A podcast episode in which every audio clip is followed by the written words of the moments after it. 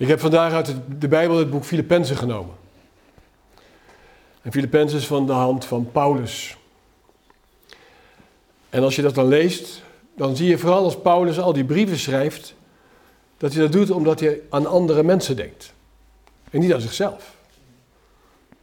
Ik heb geen brief gevonden van Paulus aan zichzelf, maar altijd aan anderen. En Paulus heeft het dan vooral over zijn verlosser, ook onze verlosser, de Heer Jezus. En als je daarover nadenkt, dan lees je dat met ontroering soms. En in Filippenzen heeft hij het ook over vriendschappen.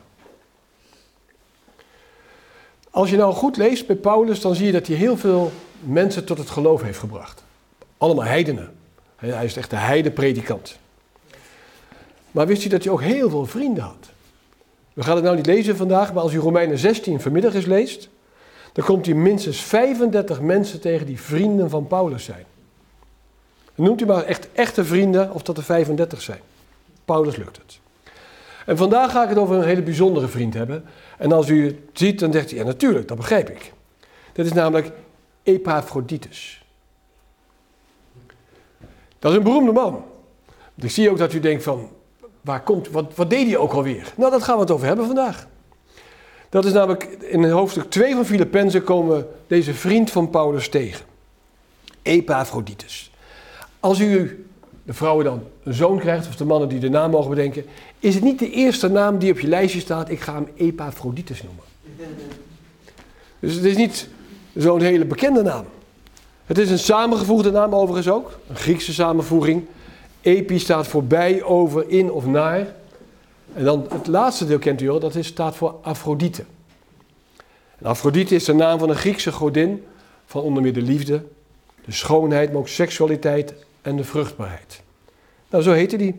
En waarschijnlijk is hij als baby gewijd aan deze Afrodite. Dus hij is daadwerkelijk een heide, want hij komt uit Filippi. Het is een van de mooie beelden die we vandaag gaan zien. Hoe iemand die toegewijd is nadat hij bekeerd is aan het werk van Jezus, dat hij alles doet wat hem gevraagd wordt. Zonder enige discussie. Nou, dat, gaan we vandaag met elkaar bestuderen. Welke lessen kunnen we nou halen uit het leven van Epaphroditus? Ook al staat er maar een heel klein stukje in de Bijbel over. Eerst een korte anekdote over een TGV. TGV is een Frans woord dat voor train grand vitesse. Of de andere woorden, een snelle trein. Wat is een snelle trein? Ze zijn best, best wel oud al, 30 jaar oud zijn ze. Maar zo'n grand vitesse, een TGV, gaat gewoon makkelijk 300 km per uur. In Nederland kennen we de Thalys, dat is onder meer een TGV. die gaat van Amsterdam, Rotterdam, over Brussel naar Parijs. Dit verhaaltje gaat over twee vrienden staan op het perron en die zien dan zo'n TGV langs razen. Het gaat vlug hoor, als je 300 kilometer gaat. Ga er maar eens in meerijden. Het is mooi, we hebben het één keer gedaan, het is een prachtig belevenis. Dan zegt die ene vriend tegen de andere, wat een krachtige machine. De vriend is conducteur. En zegt, ja, zeker. 300 km per uur. Maar hij is ook een gelovig mens, deze conducteur. En hij zegt, op de rails is die trein een geweldenaar. Maar zonder rails heb je niks aan die trein. Net een beetje als met mijn geloof, zegt hij. Als ik in gemeenschap ben met God en in Jezus Christus geborgen, dan ben ik sterk. Maar als ik op het pad ga wat van God afgaat, ben ik niks meer waard. Nou, dat is het stuk eigenlijk de samenvatting wat we met Epaphroditus gaan meemaken. Hoe hij naar het leven keek en hoe Paulus over hem schreef. Als onbadzuchtig christen. Dat hij niet direct in de spits van het voetbalteam zou komen. Of als een grote vis in een kleine vijver. Dus hij heeft niet een man van veel machtsvertoon of machtswoorden. Maar hij is bereid de plaats in te nemen die God voor hem uitgezocht heeft. En dat met toewijding onbadzuchtig te gaan doen. Nou, het verhaal doet mij heel erg denken veel aan de broeders en zussen die ik ken allemaal die in de dienst van God werken. Dat ze het samen het lichaam van Christus vormen. Dat ze alles willen geven toch om Gods wil vooral te doen. Ik heb een thema in drieën verdeeld. Het gaat over hoe zorg je dat je een stabiele gelovige bent, een gelovig christen. Het tweede gaat over zelfopoffering. En het derde gaat dat je betekenisvol bent. je leven voor je mensen om je heen, je familie, je buren, je werk, je collega's. Maar eerst laten we naar die stabiele christenen maar gaan. Epaphroditus, om uit te leggen, is het makkelijkste om maar toch het verhaal te lezen wat Paulus over hem schrijft. En dat klein stukje lezen we in Filippenzen 2, vers 25. En Paulus schrijft dat dus aan de thuisgemeente van hem.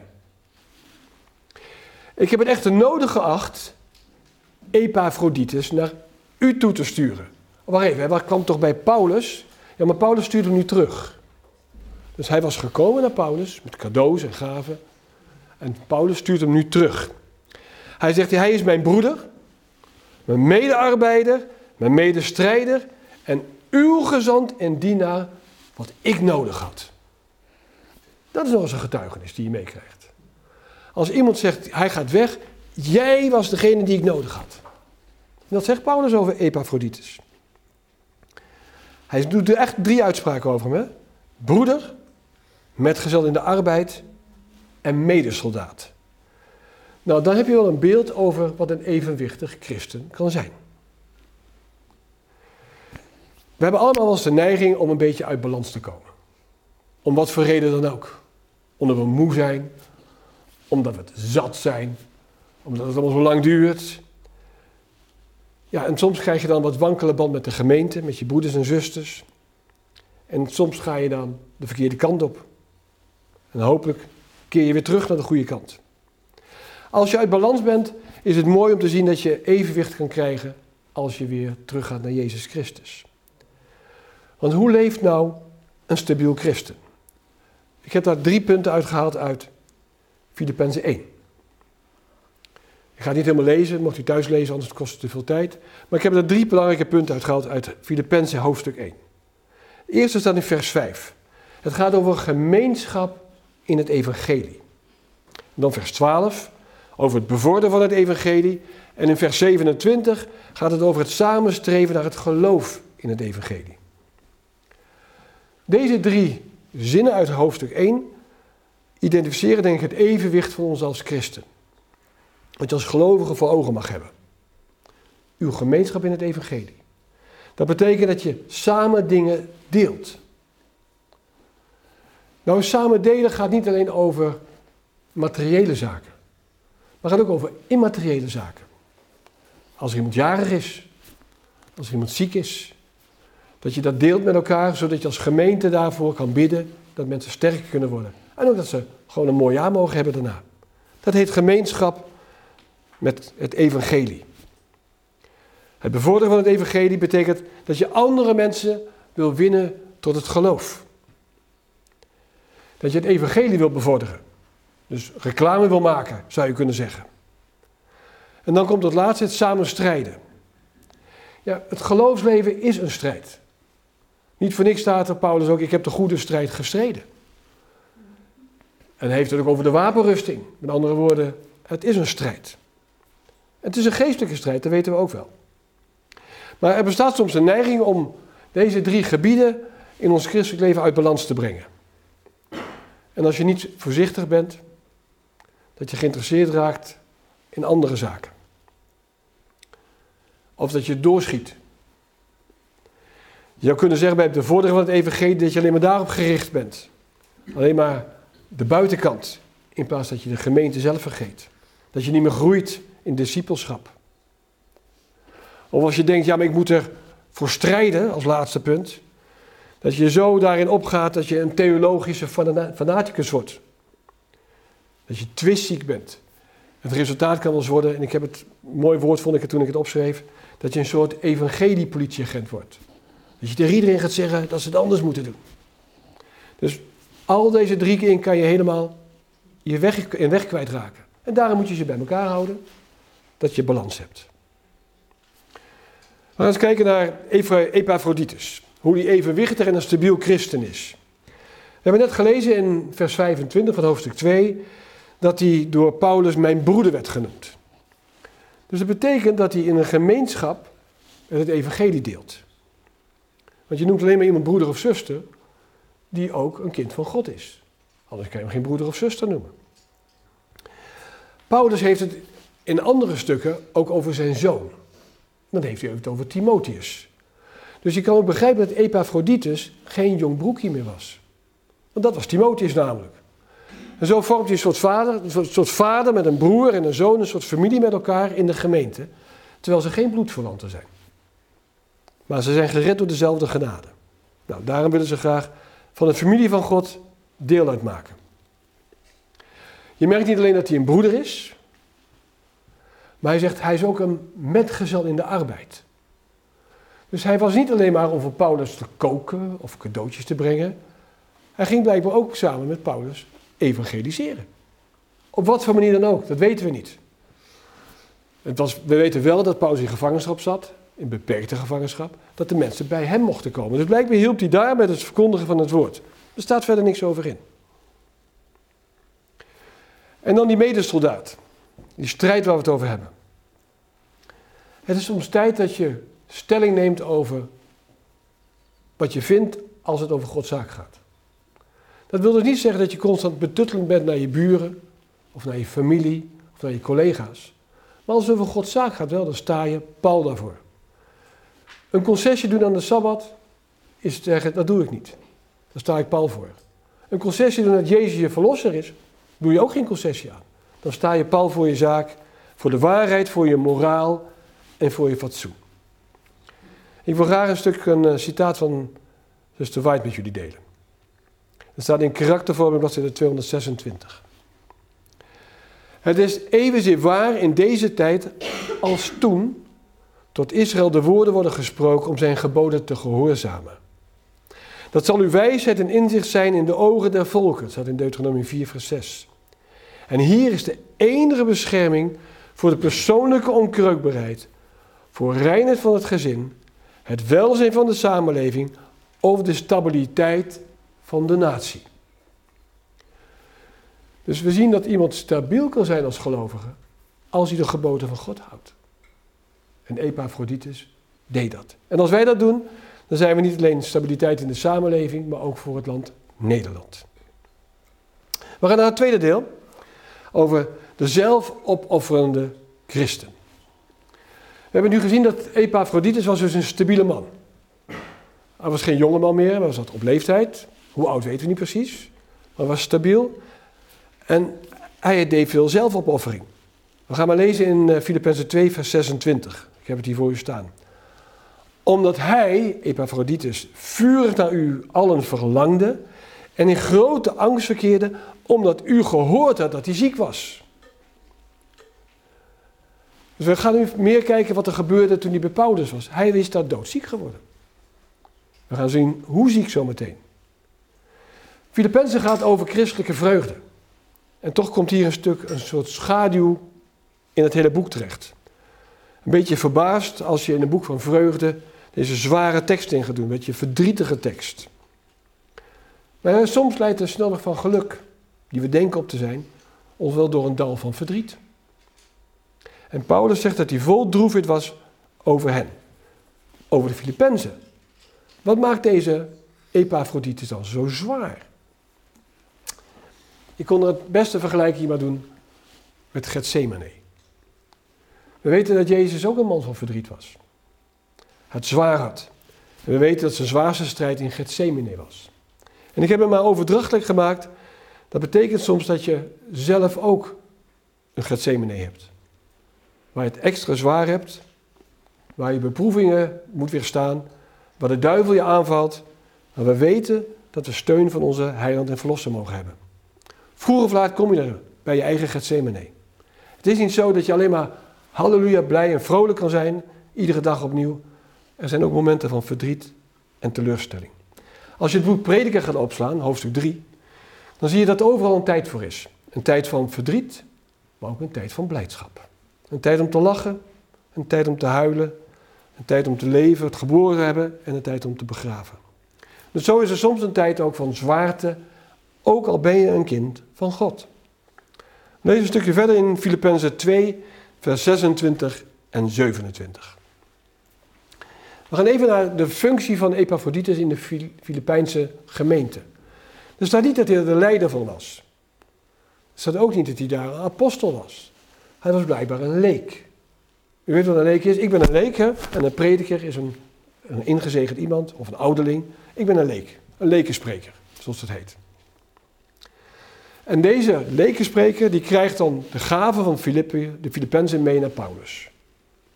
Hij heeft er geen discussie over. Wat staat er in Filippenzen 2, vers 26 en 27? Omdat hij vurig naar u allen verlangde en in grote angst verkeerde, omdat hij gehoord had dat hij ziek was. Hij is inderdaad ook ziek geweest, tot dicht bij de dood. Maar God heeft zich over hem ontfermd en niet alleen over hem, maar ook over mij, opdat ik niet een droefheid op droefheid zou hebben. Dat is mooi, hè? Dus Paulus zegt, hij is beter geworden, niet alleen voor hemzelf, maar ook voor mij. Dat klinkt een beetje egoïstisch. En dat is het ook. Je mag het er ook fijn vinden dat iemand anders beter wordt, zodat je weer een mooi gesprek kan hebben in plaats van ellende. Waarom die ziek geworden is, weten we niet. Je kan een paar redenen bedenken. Soms is ziekte gevolg van verspilling, noem ik het maar. Dan ben je wat slordig met je eigen lichaam. Omdat je te veel gegeten hebt, te weinig gerust hebt, dan maak je misbruik van je eigen lichaam. En dan word je ziek. Dat kan gebeuren. Soms word je ook ziek door discipline. Uh, dat betekent dat, dat is een mooi, klinkt iets heel raars, maar dat je te veel gewerkt hebt. En God is dan bezig om je even tot rust te brengen. Als je een tijdje ziek geweest bent, dan ontdek je ineens dat God een andere betekenis in je leven heeft. Ziekte is een van de middelen die God gebruikt. En we weten van Ellen White dat zij ziek werd als ze de nederigheid verloor. En misschien was het bij Epaphroditus ook wel zo. Dat hij daar toch wel wat trots was dat hij daar met die grote apostel Paulus mocht samenwerken. Het evangelie mocht brengen in het heilige Rome. Geen idee. Maar iedereen heeft zo zijn eigen beproeving. Toen dacht ik, ja, maar wat is nou zwaarder? Toen kwam ik op het voorbeeld van Lot en Abraham. We weten dat Lot en Abraham familie waren, oom en neef. Abraham is de oom van Lot. En Lot koos om bij Sodom te gaan wonen. Alleen de blik van Sodom was al genoeg om verleid te worden voor hem. Dat was zijn beproeving. En hij heeft ervoor gezakt. Hij woonde eerst daarvoor, toen in de stad. Zijn dochters kregen daar mannen. En we weten met zijn dochters waar hij mee gevlucht is, wat er mee gebeurd is. Ze hebben hun vader weer verleid. Dus de aanblik, de test waar hij voor getest werd, is hij voor gezakt. Dan Abraham. Abraham werd getest om zijn zoon Isaac te doden. Hij had het mes klaar om hem te doden en hij was geslaagd voor de liefdetest van God. Dan moet je je voorstellen dat Lot zo'n test had gehad. Die was acuut bezweken. Die had het echt niet gehouden. En Abraham, die heeft niet eens de, de test gezien bij Sodom. Die denkt, daar wil ik helemaal niet wonen. Geen haar op zijn hoofd. Je moet je een beetje voorstellen hoe je zou kunnen zeggen dat de een krijgt dus een andere uitdaging in beproeving dan de ander. En dat is niet omdat hij dat zwaarder heeft, maar omdat hij meer kan verdragen. Dat hij sterker in het geloof is en daardoor nog sterker kan worden. En daarom staat Abraham wel in Hebreeën 11 en Lot niet. Dus welke test zouden wij vandaag de dag kunnen krijgen?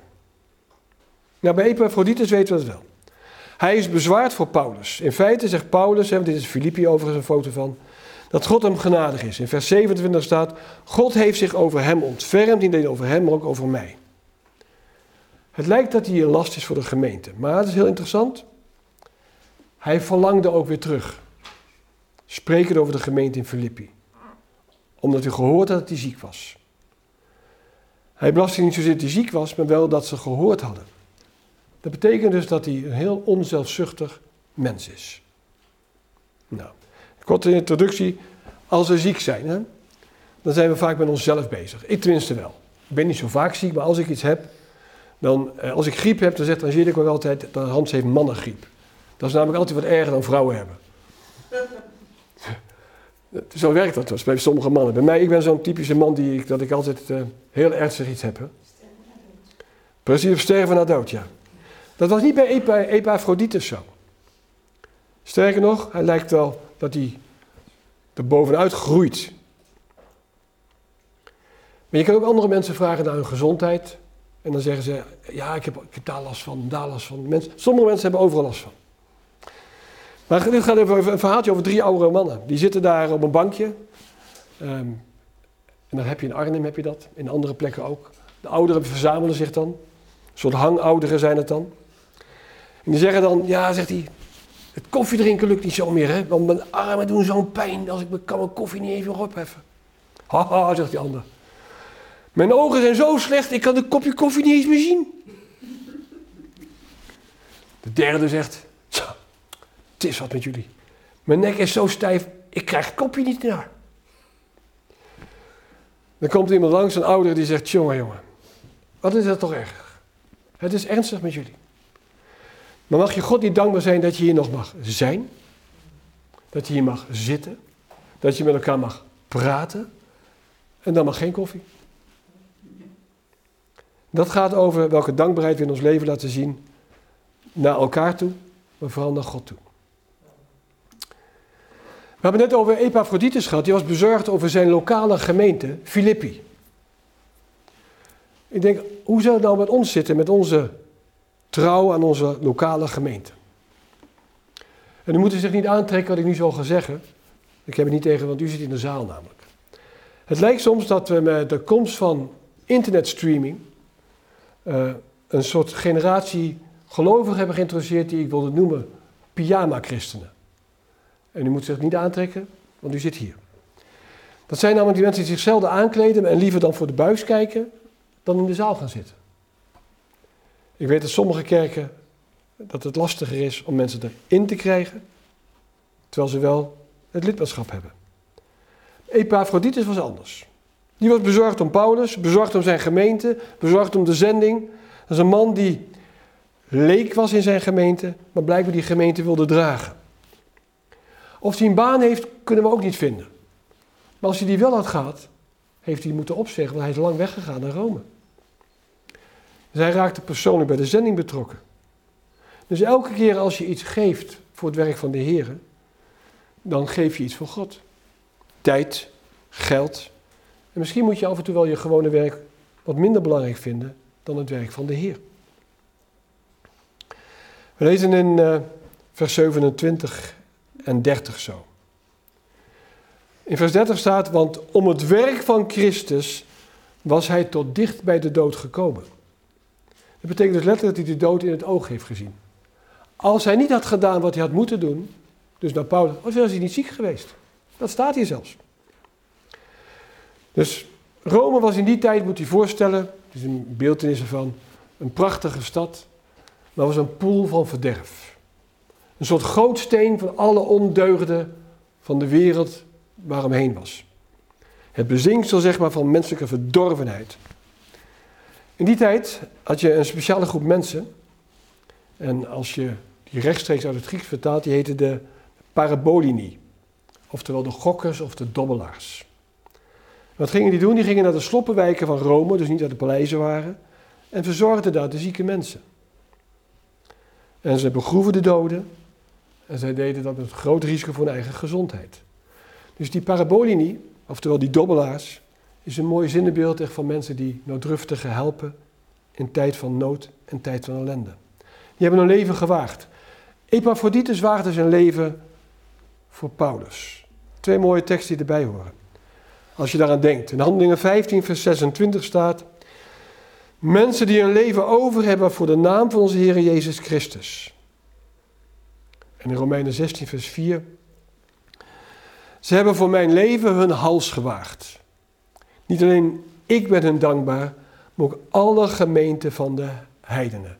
Je hals wagen betekent je leven op het spel zetten. Epaphroditus heeft zijn leven gewaagd voor het evangelie en voor de apostel Paulus. Tegenwoordig leven we toch, ook als we naar Nederland kijken, in een tijd van gemak. 2023. We klagen over energieprijzen, we klagen over inflatie, maar nog steeds is de koelkast niet helemaal leeg als we hem open doen. En als we het koud hebben, trekken we toch wat warms aan. Het zijn mooie tijden, ook moeilijke tijden. Maar het zijn de opmaten in de tijd voor de moeilijke en zware tijden die nog kunnen komen. Er staat nergens in dat je als je lid van de gemeente van God wordt, dat je het makkelijk krijgt. Ik heb het nergens gelezen. Wel dat je beproevingen hebt. En soms willen graag, toch graag dat het wat makkelijker is in de gemeente. Mensen willen graag in de gemeente soms horen dat er wat mooie preken komen. Die wat lekker gemoedelijk zijn. Dat je niet hoeft te veranderen. Zo ongeveer 46 jaar geleden heb ik een besluit genomen om een kind van God te worden. Ik was 19, toen werd ik gedoopt. Dat is nu 46 jaar bijna geleden. En ik dacht daarbij, ik ga de mensen niet beroven van de waarheid van Jezus. Met andere woorden, ze mogen de waarheid horen. Dus je moet je standaard niet verlagen, nee, je moet de standaard juist verhogen. Waar je ook bent en wanneer dat is. We waren op vakantie in, in Oostenrijk en wij reizen niet op Sabbat. We komen daarvoor aan en gaan daarna weg. Maar soms is dat lastig, want dan moet je wel je huis uit om tien uur. En deze konden we het ook vragen. Deze, deze vakantie ook weer. Mogen wij tot zeven uur in het huis blijven? En dan moet je het uitleggen. Omdat wij de Sabbat vieren. En de Sabbat, de zonsondergang is ongeveer om vijf uur. Dan willen we inpakken en daarna pas vertrekken. En dat was prima. Als je het niet vraagt, krijg je het antwoord niet. Maar als je het uitlegt waarom je het doet, dan weet in ieder geval ook weer waar wij het van huren, dat wij de Sabbat vieren. En wat dat betekent. Staat in haar WhatsApp, kan ze het lezen. Wat was het ook alweer? Sabbat. Roertaak. Dat is mooi om te weten. Nou, dan staat het er. Zet de standaard van God hoog. Citaat van zuster White over zelfopoffering uit Schatkamer 1, bladzijde 472.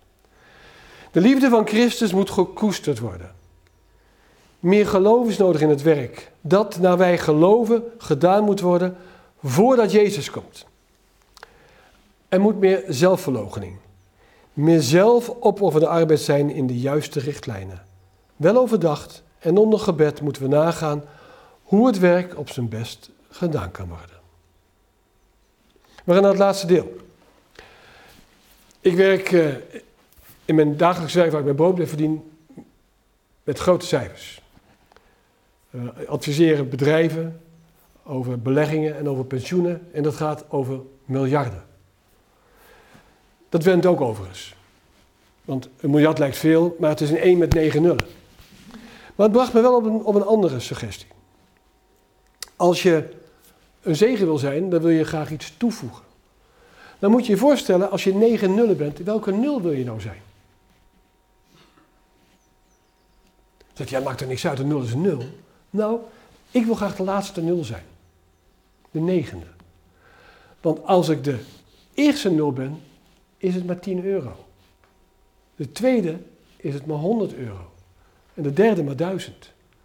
Bij de zesde word ik een miljoen euro.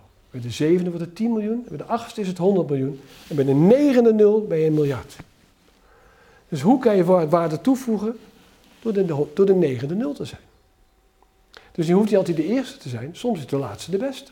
Niet voor niks staat er in de Bijbel. De eerste zullen de laatste zijn en de laatste zullen de eerste zijn. Dus op die manier kan je waarde toevoegen, ook waar je bent.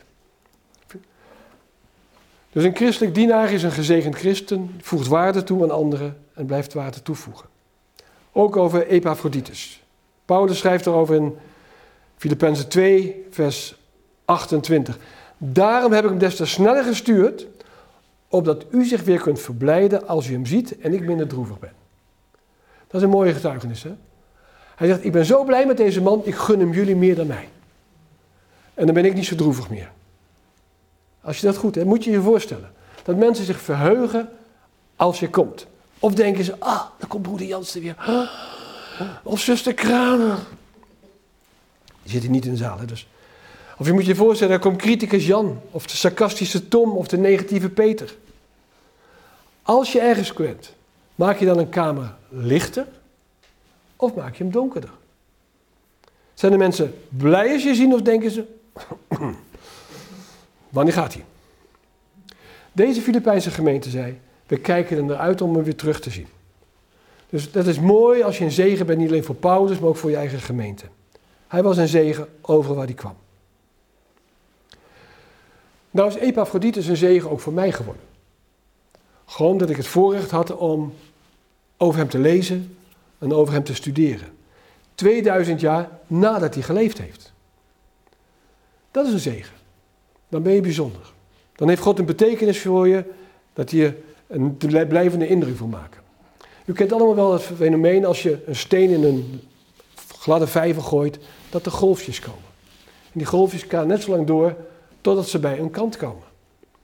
Moet je je voorstellen dat je de rimpeling die je maakt, die je Epaphroditus maakte, dat die nog in 2023 effect heeft. Dat is het werk van God. Dan ben je dus betekenisvol. Een citaat uit de Handelingen der Apostelen, of Acts of the Apostles, ik kon het in Nederlands niet zo gauw vinden, maar ik heb het in Engels wel voor u vertaald. Dat zei de 479 staat dat. Paulus, de brief aan de Filippenzen, is net als die brief aan de Colossense geschreven terwijl hij gevangen zat in Rome. En de gemeente te Filippi had Paulus geschenken gestuurd door de hand van Epaphroditus. Die Paulus, mijn broeder, mijn metgezel in de arbeid en medesoldaat, maar uw bode en hij die mijn behoefte diende, noemt. Een mooi getuigenis die we mogen krijgen zo via Paulus over deze man. We komen tot een stuk samenvatting en tot de afsluiting. Het thema van vandaag over Epaphroditus was in drieën. Hij laat zien dat als je gegrondvest bent in God, dat je stabiel bent. Welke stormen ook in je leven komen, je bent verankerd in Jezus Christus, je verlosser. Het tweede is, het kost offers. Zelfopoffering. Dat kan soms zijn dat je doodziek wordt in de momenten dat je het liever niet hebt. En het derde is, we hebben gezien dat die betekenis heeft. Tot vandaag de dag toe. Een christen die in God geborgd is, heeft altijd betekenis. Je hoeft niet beroemd te zijn. Misschien is het pas de eerste keer in uw leven dat u de Epaphroditus dat u van hem gehoord heeft. Maar had betekenis tot vandaag toe. Ik sluit af met de woorden uit 1 Johannes 2, vers 17. Daar staat: De wereld en haar begeerten gaan voorbij. Maar wie de wil van God doet, blijft in eeuwigheid leven. Dat is het soort persoon wat ik graag wil zijn. Niet alleen ik denk dat ik het wil zijn, maar misschien wil u het ook zijn. Dat ons leven toch een rimpeling mag hebben op deze vijver, op deze aarde. Dat we straks in de hemel zijn, dat we betekenis gehad hebben. Niet om er trots op te zijn, om dankbaar te zijn dat God ons die kracht heeft gegeven. We gaan in de kracht van Jezus voorwaarts. Om gelovige, stabiele, zelfopofferende en betekenisvolle mensen te zijn. Amen.